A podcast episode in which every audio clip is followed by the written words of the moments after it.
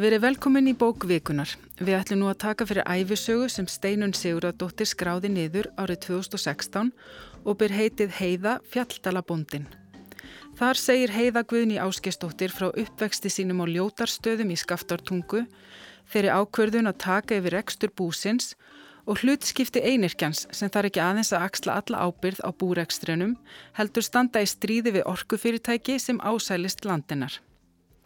Gestir eru Hlín Agnarsdóttir, eh, sviðshöfundur og réttlistarkennari og Ardís Hrönn Egilsdóttir, leikona. Verið velkonar. Takk.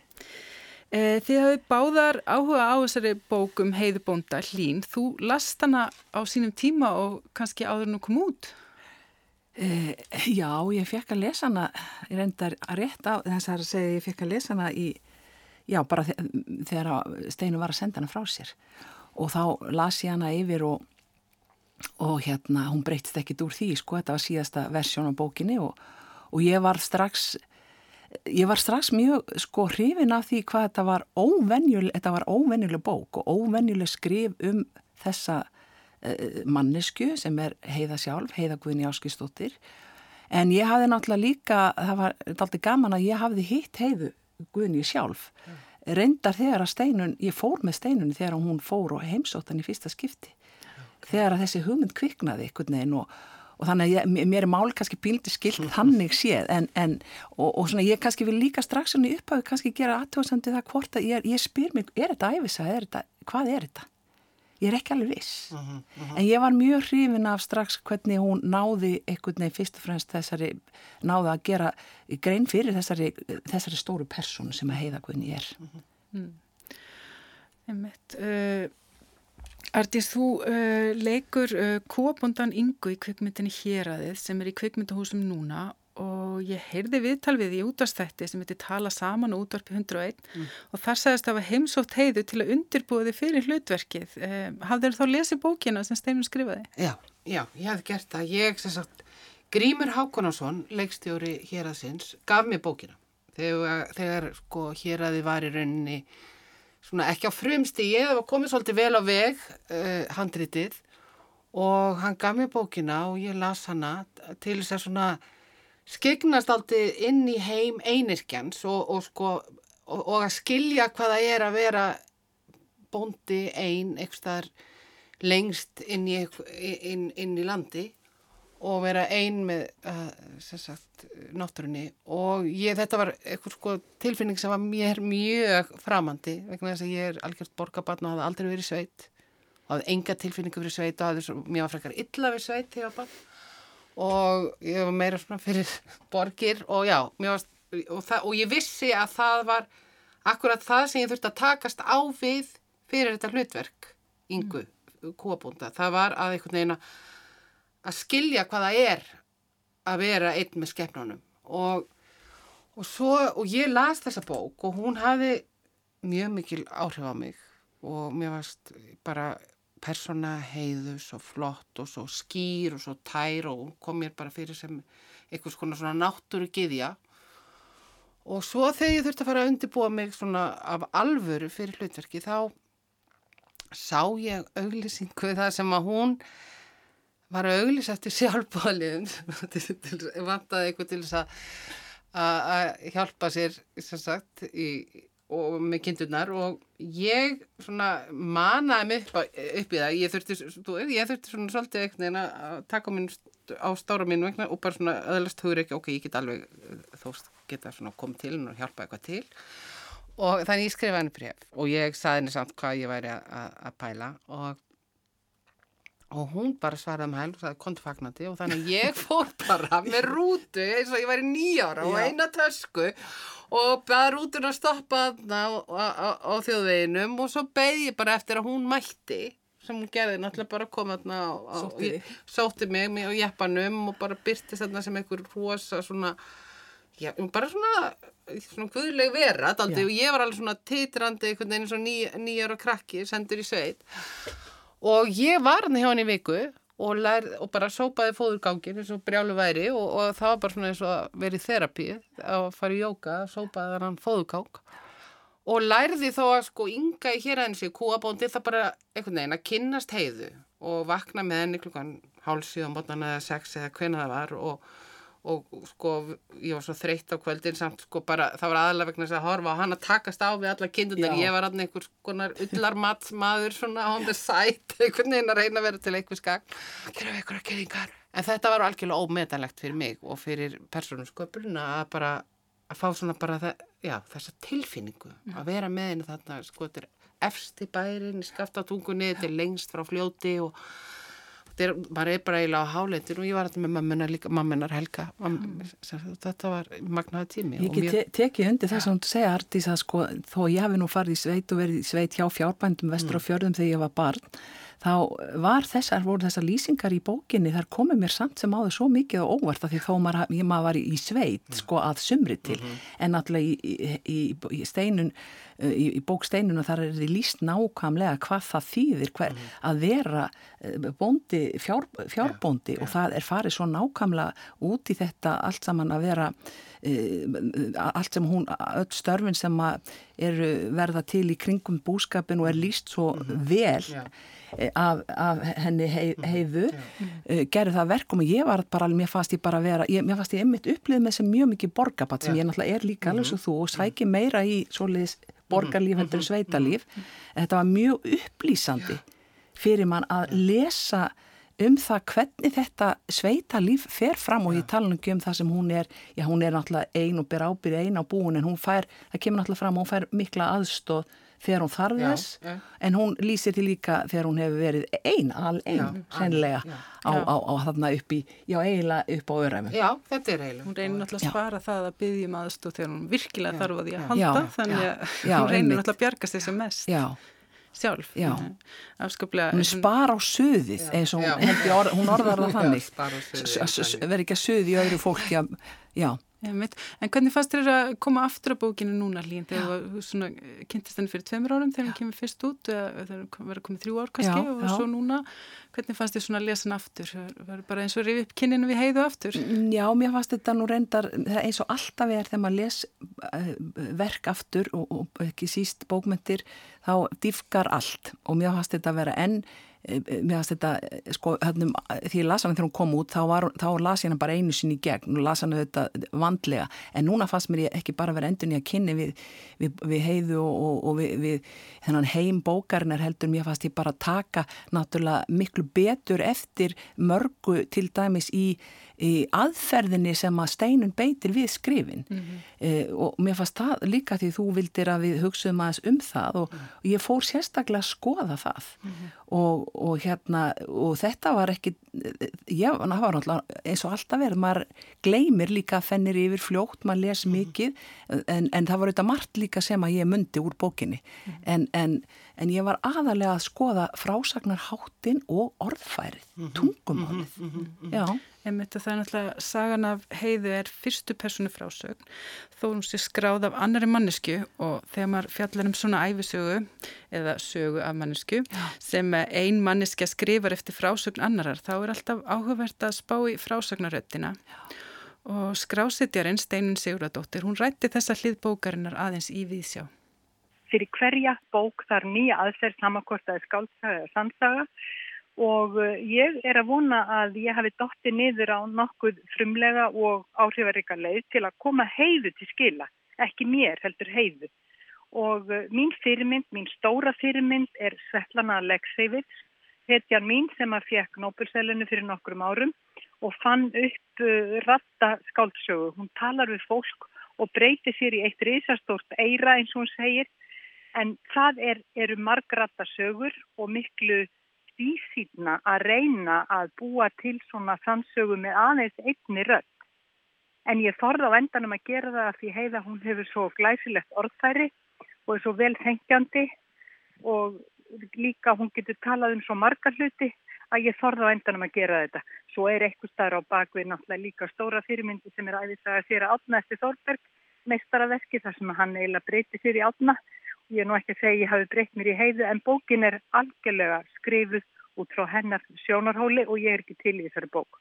Heiða hefur einstakt orðfæri sem hefur rætur í gamalli íslenskri bókmyndahefð. Hún er alveg upp á einum af þessum bonda bókabæjum eða hvað ég á að kalla það síðan var á hennar heimili mjög mikið leikið sér að orðum, það var hérna orðar ferskettlur og svo líka sungið. Og ég held að músikinn í, sem hún er alveg við skilir sér lítið bókinni. Og svo er heiða þræl nútímanleg líka í orðfæri. Þannig að þetta er alveg einstök blanda að ég held með, með íslensk mál sem við komum þarna upp með. Og mingil ábyrð hjá mér að halda ég til haga en laga það samt að prentmáli. Við heyrðum hér steinunni Sigurðardóttur lýsaði hvernig hún skrifaði bókina um heiðu fjalltalabónda. Og hún minnist þarna á uh, Svetlunu Aleksevich uh, hlýn þú þekkir þá uh, þann rítum? Já, hún, sko, hún er hérna frá Kvítarúslandi er Nobelsvelun að hafa í bókmyndum fekk Nobelsvelun fyrir nokkrum ára síðan. Og hún er náttúrulega kannski þekktust fyrir það að hafa skrifað þessar, þessar vittnisspurði um sko sko til dæmis vittnisspurði kvenna í, í, sem að tóku þátt í setni heimstyrildinni þar sem hún leiði þessum konum að segja frá blanda sér ekki inn í sjálf heldur bara eh, skrifaði niður e, þeirra frásagnir af því hvernig það var að taka þátt vera, sagt, þeir, þær voru hermen í, í setni heimstöldinni og, og, og, og tóku þátt í öllu mögulega alveg svo kallmennir en þegar heimstöldinni laug þá var, var, var kallmaðurinn þetta settur Um, á, á, hann var hildur þar sér kallmannshetjan en konurnar einhvern veginn lendut alltið út undan og, en, en Svetlana hún gerir grein fyrir þessu í þessari bók þar sem að rattir kvennarna lifna við þeirra kvenna sem hún náði eh, samtali við. Og sama gerðist líka þegar hún hérna skrifaði bók eftir Tjernobyl-slísið Kernokslísið 1986 þá skrifaði hún bók um það þar sem að rattir eh, sko bara fólk sem að horfði upp á þetta og lifði þetta af og, og, og hérna líka uh, misti ástfinni sína. Þessar rattir uh, færði hún í, í letur, skrásetti var svona eins og steinun kannski í þessari bók svona einhver þögulrött á bakvið þetta en náttúrulega er þetta samt höfundaverk þessara kvenna því það er komað þessu saman eins og einhvers konar mósækverki. Mm. Það er þurfa að raða saman öllum þessum samtölum og brotum og, og hugmyndum. Um, það, það krefst heilmikillar hugsunar alveg eins og, menn eins og Steinu segi líka, allir höfundar þurfa að finna hverju nýju verki e, sitt form. Mm -hmm. Það lítur að vera Já. mjög mikil áskorun í raunum verið að púsla saman svona viðtalsbútum. Já. Þannig að, að maður svona renni í gegnum það sem einhvers konar heilt. Já. Já. En og, eh, þú hefur um eitt lísti yfir áður að þið finnst rött heiðu mjög heitlandi í bókin. Það er eitthvað við eh, frásagnar rött. Já, það er eitthvað við frásagnar, hennar frásagnar rött meðalans vegna þess að eins og kom fram líka hjá steinunni og hjá þér líka Artís að hún er svo stór, hún er svo stór persóna. Hún hefur svo margar hliðar, hún getur talað um svo margt, hún er, getur, hún er ekkit bara bondi. Hún er, hún er líka eh, kona Og, og, en samt er hún, kemur að mjög fljótt fram og hún gengur samt í öll verk þar, hún er ekki, hún er ekki þessi dæmigerða kona Nei. og hún hefur aldrei vita til þess að, eða allt frá barnesku var henni bara kent að þær voru náttúrulega fimm sýstur þarna á þessum bæ og konurna gengur bara í öll verk og hún gerir engan greinamenn á kvennmas og kallmasverkum en samt stundum fannst mér, Nei. núna við eftir, yfir lesturinn aftur, ég að hún er, hún er rosaleg sko hvernig hún heiða getur allt sem hún eh, sko kemst yfir að gera og öll verkin sem hún gengur í eins og allins bara þegar hún að lýsa því þegar að stíplast þarna eh, stíplast þarna hjá henni eh, frá, frá en hvað ekki, jú frárenslega, -huh. hvað er það, skólpið já, skólpið, úr eldusunni allt, allt sem hún þarf að gera til að koma því í lag og grafa langt niður í grunninn á húsinu og, og, og, og meira sig að losa frá pall sem hún er búin að smíða fyrir framann húsið, ég meina hún er alveg stórkoslegur verk ja, maður. Og ég get alveg sko sagt það að ég fylgdist nú með henni þannig þegar ég var ullarmatsmaður hann í eina viku og var einhvern veginn að þykjast vera á kantinum einhvern veginn að fylgjast með þegar hún var að rýja rollutnar og, og það var ótrúlegt magn af kindum sem hún komst yfir, sko hún er svo sterk þessi háa sko grannakona en hún bara ótrúlegu styrkur og það er og maður finnur líka í sko í bókinn það er svo, flott líka hvað þetta er mikil þroska saga Af því að við, hann í byrjun þegar hún er að tala um hvað hún hafi verið svona eins og litli ljóti andarungin og er eitthvað svona stressuð yfir því hvern, sem unglingur, hvernig hún leitt út og henni fannst hún eitthvað svona veikluleg og hún var ekkert sko brjálæðslega sterk í byrjun. Hafði ekki mikið sjálfstraust. Nei, og hafði alls ekki mikið sjálfstraust og eitthvað svona, en, en einhvern veginn þorði að taka allar áskoran og hún fyrir þetta þess að prófa hennar mótel business og, og lendir í öðru sæti í einhverju mótelkeppni en fattar svo að veist, það, henn finnst það bara humbúk og Já, er ekkert fyrir hanna og hún finnur sér sína leið og, það, og, og, og, og leiðin er einhvern veginn svo bara eins og eitthvað eins og fljótið bara einhvern veginn, það, eins og það er það er bara einhvern veginn eins og vatn sem Já, leitar bara já, síns já. já, já.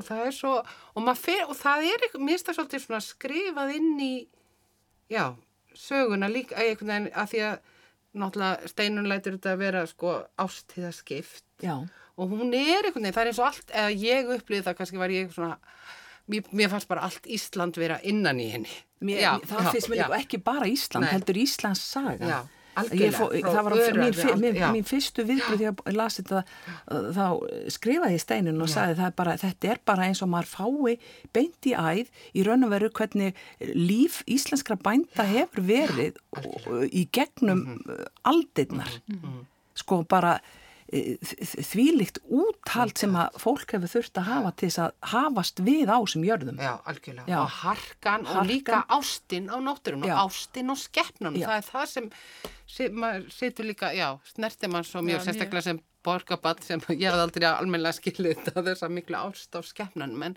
maður finnur það, Hún lýsir því mjög vel já. hvern bæði, ekki síst að, ekki, ekki bara hundurinn þarna fívill, þarna sefurhundurinn sem hún talar mikið um, heldur ekki síst hvern hún talar um kindurnar og lömpin og sambandi sem hún hefur og, og virðingin gagvart skeppnanum og, og, og, og dýrum bara og, og það, hún talar um það alveg sérstaklega hvað hann finnst erfitt, bara hvað, þarna, hvað slátutíðin er erfitt, að aðskilja uh, aðskilja lömpin frá, frá mæðrum sínum og, og svo náttúrulega allt þetta umstáki kringum söðburðin sjálfan, það er stórkostlegu kapli líka hvernig hún lýsir því og já, þetta er, þetta er ótrúlega samband mannesku við dýr og náttúru.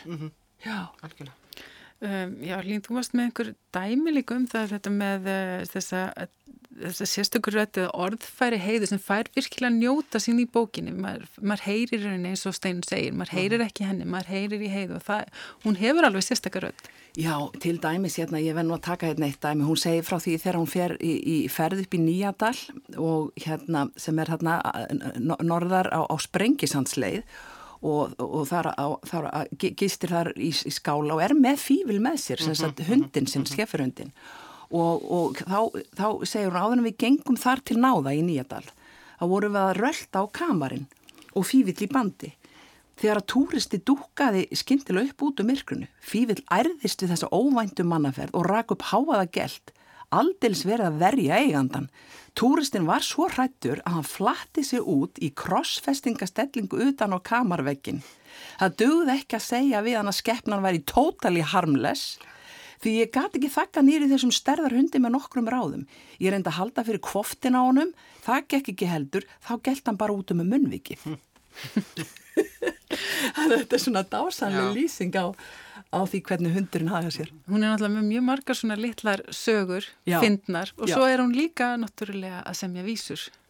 Já, hún er hagenningur og svona limru smiður. Limru smiður og, og, og maður líka, sko, hún er líka bara svo mikið bókmentamanniska. Já. Hún les svo mikið og hún talar svo mikið, og, sko, hennar bestu stundir séu einmitt á kvöldin þar sem hún les bók. myrkri. Eða sopna fyrir framsjónar. Já, eða það. Í leysibóinu sínum. þegar, hún er, þegar hún er búin að alveg keira sig Mhm, út, sko. En eins og kemur líka fram hjá steininni, þá er náttúrulega, er þetta, er hún alin upp við mikinn, e, við lestur og kveðskap. Mhm. Já, já. Og það er svona, hún, hún, hún íjar aðeins að því að hana langar oft til þess að fara meira út í Mhm, það. En þetta eru svona limrur og, og ferskellur sem hún er Já, og steinun lætur það svona koma inn á milli líka. Svona skýtur inn í eh, hérna, kannski svipmyndum af heiðu á hagirðingamóti. Það sem hún skellir fram einhverju skondinni vísu. Já, já, það er svo skemmtilt það sem er í því, hvað segir þú Arti, þegar hvernig steinur raðar saman þessum brotum, hagirðinga eða vísunum hennar. Svo kemur allt inn í brotu símtali, svo kemur allt inn eitthvað, eitthvað status á Facebook Já og það er einhvern veginn, það býr til sko, það brítur upp einhvern veginn að því maður, maður upplifir mjög mikla námt í lestrinum. Og maður, og maður verður einhvern veginn svolítið sko fer inn í hennar heim en svo sko þessi ferskett, eða sko þessi hvað skapur, hann er alltaf mér daldið, ég hef aldrei einhvern veginn alveg náð honum einhvern veginn, þessum svona haguríka keppnum. Það er borgabandi. Já það er borgabandi, ég er ekki alveg búin að ná honum en þá en sko en ég næ húmórnum og hún er náttúrulega rosalega mikill húmorstof með svona svartan, kaldan sko, þú veist, það er engin væmni það er ekkert, sko, ekkert orðskrú, það er bara svona já, þetta er svona hæ, já, svona kaldar, eitthvað svona svona hægur, já, sem finnst mjög flott sko. Já, mennaru, lítlu ferskellinu, já, já, já, já. er, það er engin hérna, sko, það er engin væmni Nei, það er ekki til væmni, sko, aldrei verið væmni. Ég myndi það sem hefum komið inn á hérna þá er náttúrulega þannig að þú er að heiðu sér ráðandi í bókinni þá er það skrásittarinn, það er mm. Steinun Sigurðardóttir sem raðar efninu niður mm. og eins og segir þá skiptur hún því í fjóra hluta bókinni, það er vor, sumar, haust og vetur Eh, hún byrjar endur á sumri, Já, hún byrjar á sumri og svo er haustvetur og endur á vori. Þannig að meðfram því sem að heiða segja frá uppvexti sínum og ýmsum mikilvægum atbyrðum og lífsviðþorfum sínum að þá fylgjustu með henni ganga til þessara ástíðabundnu verka. Hún er að sinna söðbyrði, hún er að heia, hún er að smala, hún er að telja fóstur í kindum. Já, út um all land. Einmitt, og hún segir í bókinu hún hafi alltaf til skinnjað mjög stert kraftin í náttúrunni og andstæðunar og við skulum heyra hluta af lýsingarnar á því hvern hvernig hún upplifir ástíðnar. Þegar það fer að hausta breytist krafturinn í náttúrunni í drápskraft. Fuglarnir flýja og hvað sem tautar verður söðfjað að komast heim. Nú er því bráð hætta búin á staðinum þar sem það bjó í góðu yfirlæti á sumardögunum.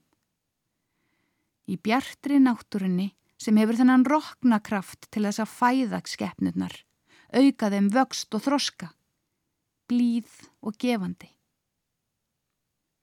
Yfir vetrartíman hleypur harka í náttúruna og það verða margar hættur á ferðum. Ég skinja mjög stert hvað það er gjur ólíkt að ferðast að sumri til og að vetri til. Innst á afrétti á sumrin er dagurinn endalus, árnar hjalandi og allt er fallegt. Þegar ég er á örafunum á sleðanum að vetri til er dagurinn stuttur, frostið bítandi og kunnulegt landslægið er svo breytt að ég get valla vanist við að sjá það svona ummyndað. Ef spáin er góð er öllu óhætt, en um leið og það gerir bil er algjör voði að vera á örafaslóðunum mínum. Fegurðin er yfirgengilega á fjöllum, eins á þessum hættulega árstíma vetrinum. Haustið er svo kapitúli útaf fyrir sig. Á haustdögum og haustmornum verður loftið algerlega tært og löst við mistur. Þá erum við að fara í setnisöfnin. Stundum er aðeins farða að grána. Það er ágætt. Þá skila sér mestu fjallafálunar. Þetta er aðal tímin á fjöllum, í haustlitunum og víðsíninu. Við heyrðum Brynhildi Björnsdóttur lesupp úr bókvíkunar sem er æfisagan Heiða Fjalltalabóndin skrifið af steinunni Sigurðardóttur. Hjá mér eru Ardís Hrönn Egilsdóttir og Hlín Agnarsdóttir. Uh, hvað fannst ykkur um þess að skiptingu bókarinnar niður í ástíðir og kannski uppbyggingu bókarinnar yfirleitt?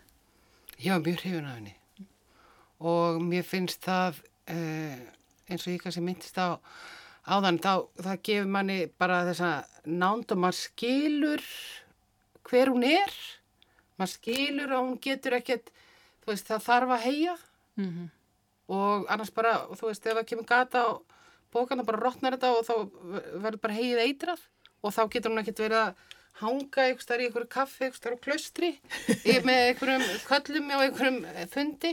Og maður sko það er en sko þessi skiptingi ás tíðina finnst mér svo flott að, að það er eitthvað svona biblíusögu stemning, eitthvað svona helgimynd sem, Sem er dregin upp. Já, sem er dregin upp. Og einhvern veginn eins og bara í guðskapaði jörðina, eða það er eitthvað, sko, ég, ég, þú veist, bæð eins og þannig byrjun, sko, hvernig hún lýsir sko, Já. og lýsir sko, hvað, þú veist, það er bara sól allan ringin himnarnir eru opnir sko, það er þú, sólinn kemur miklu sko, fyrir upp sem sagt á ljótarstöðum heldur og annar staðar í sveitinni og þarna bara sko og já, opnast já. og er baðaður í sumarljósinu og já, já, þetta er alveg rétt um Já. að segja, þetta er mjög skemmtilt að segja, að það, það er máilega að segja ástíðin að verða eins og helgimyndir Já.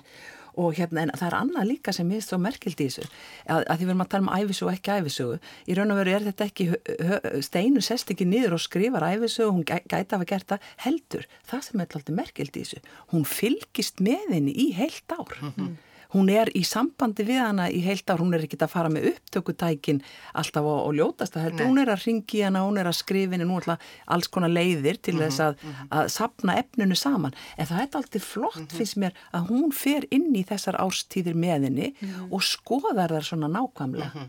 Án þess að verði nokkuð tíman þetta verður aldrei leiðinlegt sko, eitthvað, eitthvað, eitthvað leiðilegu strúktur sko. nei, nei.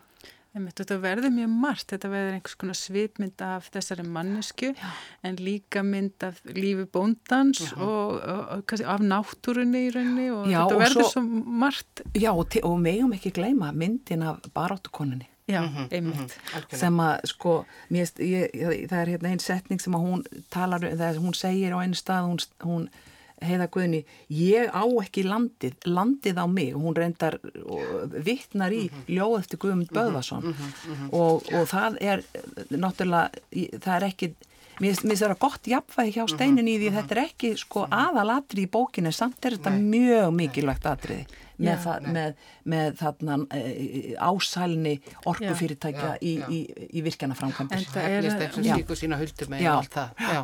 Hún hefur náttúrulega sagt, eh, seg, sagði Steinin í viðtölun að þetta er kannski aðal ástæðan fyrir að bókin er skrifuð, í, í, það er þessi baróta fyrir verndun náttúrunar og það kemur náttúrulega strax fram í upphafi bókarinnar að það stæðjar ógn að landi heiðu. Já, og hún segir að það geti vallatalist eftirsóknarvert að búa á þessari hardbílu jörð, hvað þá sem einirki og, og það sé því merkilegt og í rauninni kaltæðnislegt að hún hafi frá upphafi þurft að berjast fyrir tilveri rétti sínum og núna undarfærið þá gegn orkufyrirtækjum, Já. segir hún. Og ég ætla að lesa þess þessa uppast lýsingunar á baróttunni. Hún segir, síðasta og langharðasta baróttan við orkufyrirtæki Suðurorku vegna búlandsvirkjunar hefur staðið síðan 2010 og var til þess að ég neittist út í sveitastjórnarpolítík.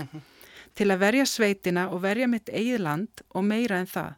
Mannvirkin sem gert var ráð fyrir og áhrifin af þeim rásuðu upp og niður eftir allri skaftortungu inn að hólaskjóli, söður undir þjóðveg með smávegis viðkoma á ljótarstöðum, 60 metra hári stíplu í gljúfrinu mínu. Já. Á hæð við heilan Hallgrímskirkjuturn. 10 ferkilometra uppistöðulónið átt að vera í um það byrj 4 kilometra loftlínu frá þóttástyrunum á bænum. Á besta beitarlandinu mínu þar sem fyrst grær á vorin. Þannig að þarna kemur svo margt fram. Já, Þetta með að hún hafi neðst til að taka þátt í pólitík, til að verja landi sitt og mjög áhugaverðin líka lýsingar af hvernig til dæmis fólk í sveitinni sumir eru kannski að snúa við henni baki, ekki Já. tala við hana. hvernig fólk brást við og, og, og hverju voru með og hverju voru á móti og hvernig náttúrulega mjög stór kapli bókinni fjallar um það hvernig þetta orkufyrirtæki, Suður orka, í raun og verið smegði sér einhvern veginn inn á sveitungana sko og, og, og einhvern veginn með einhverju smjadri á, á mjög ísmegilegan hátt. Það er þeirra bara hvernig þeir senda út sína sko fulltrúa í þetta er sko áætlun sem tekur mörg ár að ná einhvern veginn landinu undir sig og fá bændurna á sín, sitt band og, og, og, og komast yfir vassréttinni til þess að geta framkvæmt þessa virkun. En sem betur fer, allavega eins og er, þá búið að leggja þessa búlandsvirkun sem hún er að tala um og held ég hónsarvirkjum þær eru í einhverjum byðflokki Ég held að. og, og auðvitað hafði, það hlýtur að hafa haft áhrif þessi andspyrna, það, ég meina heiða fór út í það að stopna með öðrum þarna uh, stjórnmála afl í, í, í, í í, í skaftártungu eða hann í ska, vestu skaftárhelsíslu og bauð fram til sveitastjónarkostninga og það hlýtur að hafa haft áhrif. Og ég menna hún gengur í þetta eins og allt annað þó hún sé skjálfand á beinum og lýsir því mjög Já. vel hvernig hvað hún er hrætt og allt það en hún fer út í þetta fyrir þess að hún getur ekki hugsað sér að vera eina af þessum manneskjum sem situr við eldúsborðið og, og, og röflar og kvartar mm. yfir einhver sem að, er, að hérna, þarf að gera og sé mhm, ránglátt mm -hmm. en gerir aldrei neitt. Og hún ætlar ekki að selja landi fyrir varalit eða, eða einhvern traktors himpagimpi og þarna og nei og það er mjög flott hvernig hún einmitt lýsir því í sko því það er svo flott að þetta er ekki svona eitthvað svona bók, sterk kona, hún heldur sko einmitt, hún lýsir hræðslinu, hún lýsir óttanum hún lýsir því hvaða er óþægilegt þegar, þegar hún mætir í kaufalegi og einhver horfir ekki á hana og lítur undan en hún getur ekki, já, hún er stressuð. Stressu að koma fram ofinbörlega á, á erfiðni að, að, að tala og ofinbörlega mm. hann lætu vel að skrifa og, mm. en svo lýsur henni bara mjög vel ég held að mjög margi kannast þetta hvernig hjartað best um í, brjóstenar þegar hún þarf að mm-hmm. koma fram fyrir hóp og fólki mm-hmm. og þetta er, er mjög eh, sko, mjög hérna, einlægar lýsingar á mm-hmm. líðan hennar. Já. og líka bara mikill kærleikur og hún ákveður sko að láta þetta ekki heldur eiðilegja vinskap. Nei Þa, það er svo flott, það er, veginn, það er búið einhvern veginn þeirra hjá stuðurorkur er búin einhvern veginn að vera eitthvað svona manipulera og ég er á móti þér og þú ert á móti mér og já. allt það. En hún einhvern veginn já, sundra, sundra, sundra sveitungunum. En hún einhvern veginn vil samt að allir séu vinir en sko þó fólk berjist já. algjörlega af ofþörsi Vináttan heldur áfram já. þó við séum ekki sammála um virkjana áformin sko, segir hún eitthvað einu stað, það er að um, fólki á næsta mm. nágrann en á næsta bæ Því þó náttúrulega búi Eh, hún býr hérna með mömmu sinni þó hún hafi kannski, henni líður ágætlega einn, hún er ekki að leita sér að manni, hún mm -hmm. er mhm. ekki vissum hún vilja eiga fjölskyldu, hún er svona mjög hérna, sjálfstæð mm -hmm. en hún, hún greinilega kannum við mjög mikið að meta það líka samt að hafa fólki kringu sig mm. í mhm. sveitinni og veit hversu mikil stuðningur það er. Og ég, það er stór kapli líka sem fjallar um hennar vinkonur Já. og hvernig það er skemta sér saman og, þær, og, og hennar utalansferðir, mm. hvernig hún fer líka því að, að Eh, sko, leta, leta sér upp sko, skemta sér og nei. ég meina, þetta er ekki bara þrældómur. Nei, það er líka vodka í appilsín og beilís og allt. Og, og, og, og lýsing á, á, á fylliríum og tvísvar ári, þetta er hún í það, segir hún.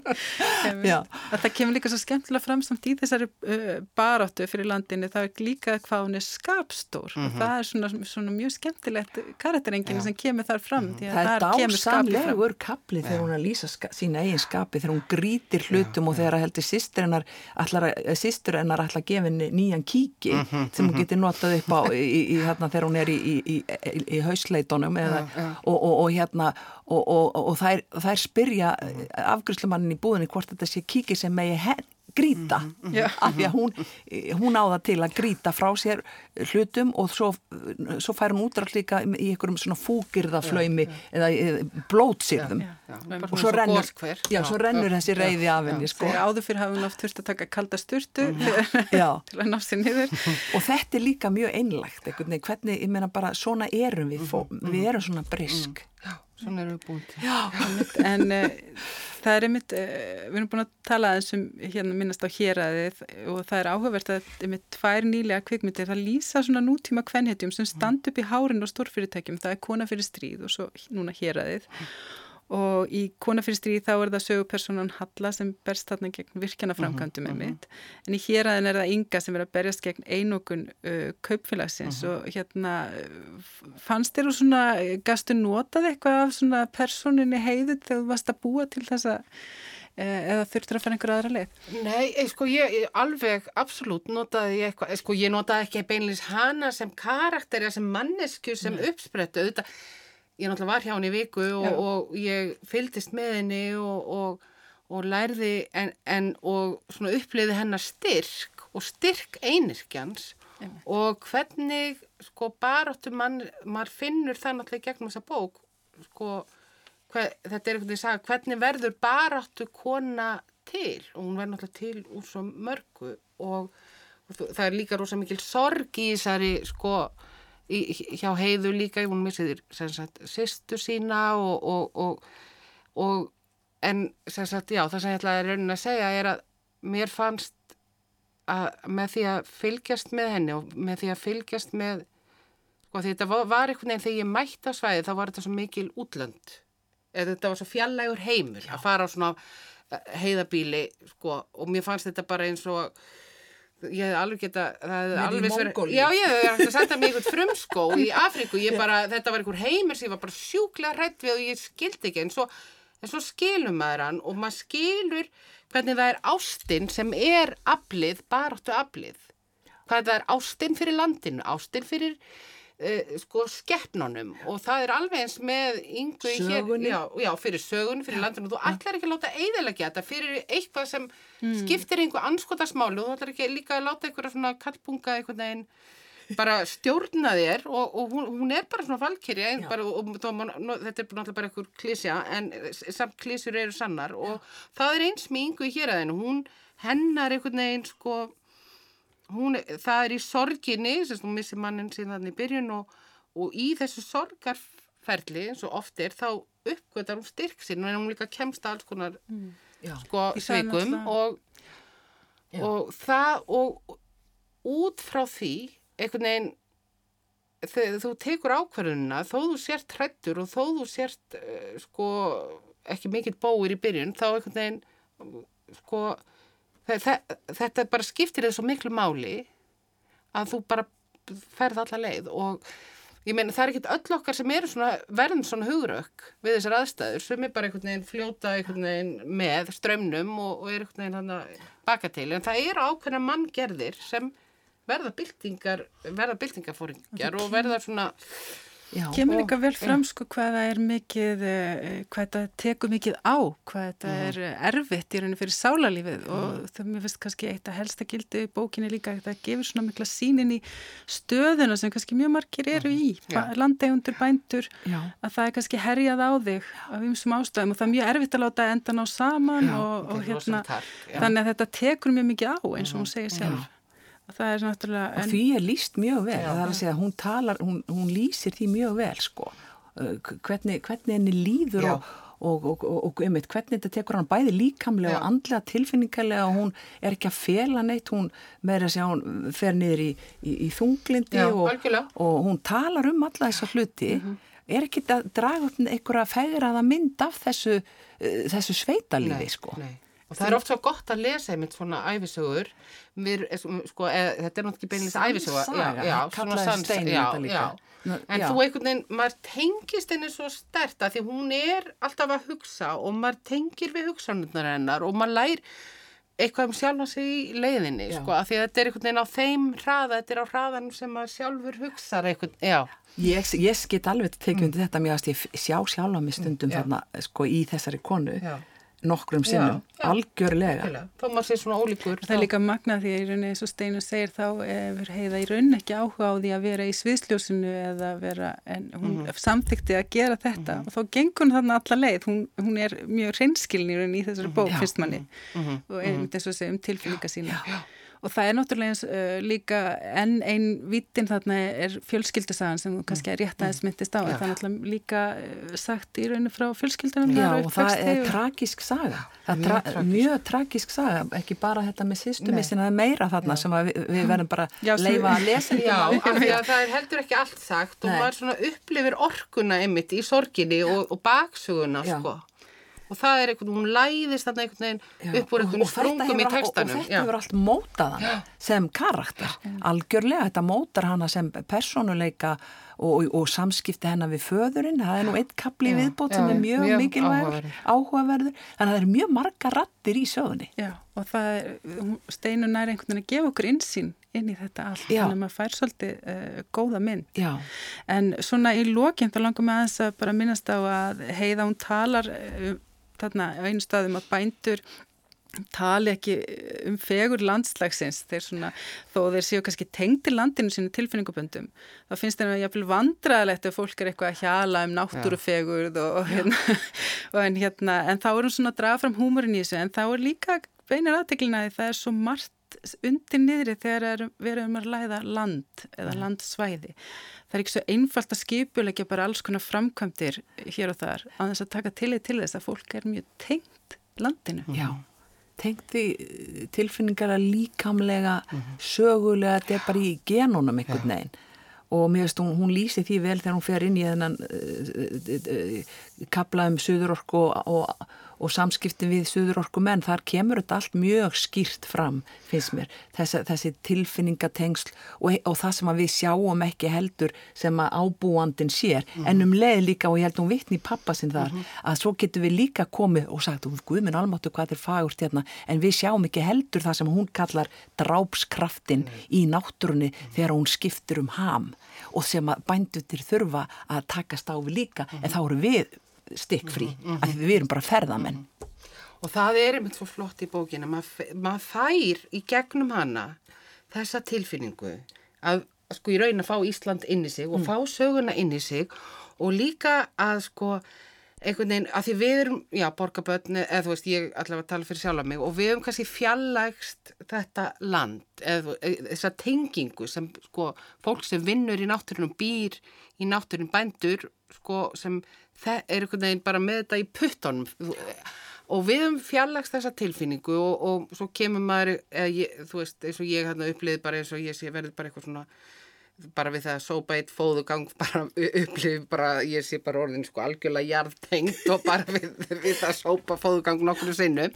En þetta er náttúrulega tilfinning sem við sko þurfum á að halda og líka hún er í okkur, hún, ég meina það eru nokk, sko 50 ár, sko amma mín fættist í Torbæ og við vorum alltaf að fela Torbæin og eiðilegja það því að við skömmust okkar svo mikið fyrir þessa fortíð, en hún er í okkur Já. og býr í okkur og það er alveg, sko, það er nákvæmlega það. Við Íslingar eru sveita fólk og þar með verðum við að ljúka þessari umfjöldunum bókvikunar Ardís Rönn Egilstóttir og Hlín Agnarstóttir kæra takki fyrir komina og gott spjall um bókina Heiða fjalltalabóndin sem er skrifið af steinunni Sigurðardóttur. Verið sæl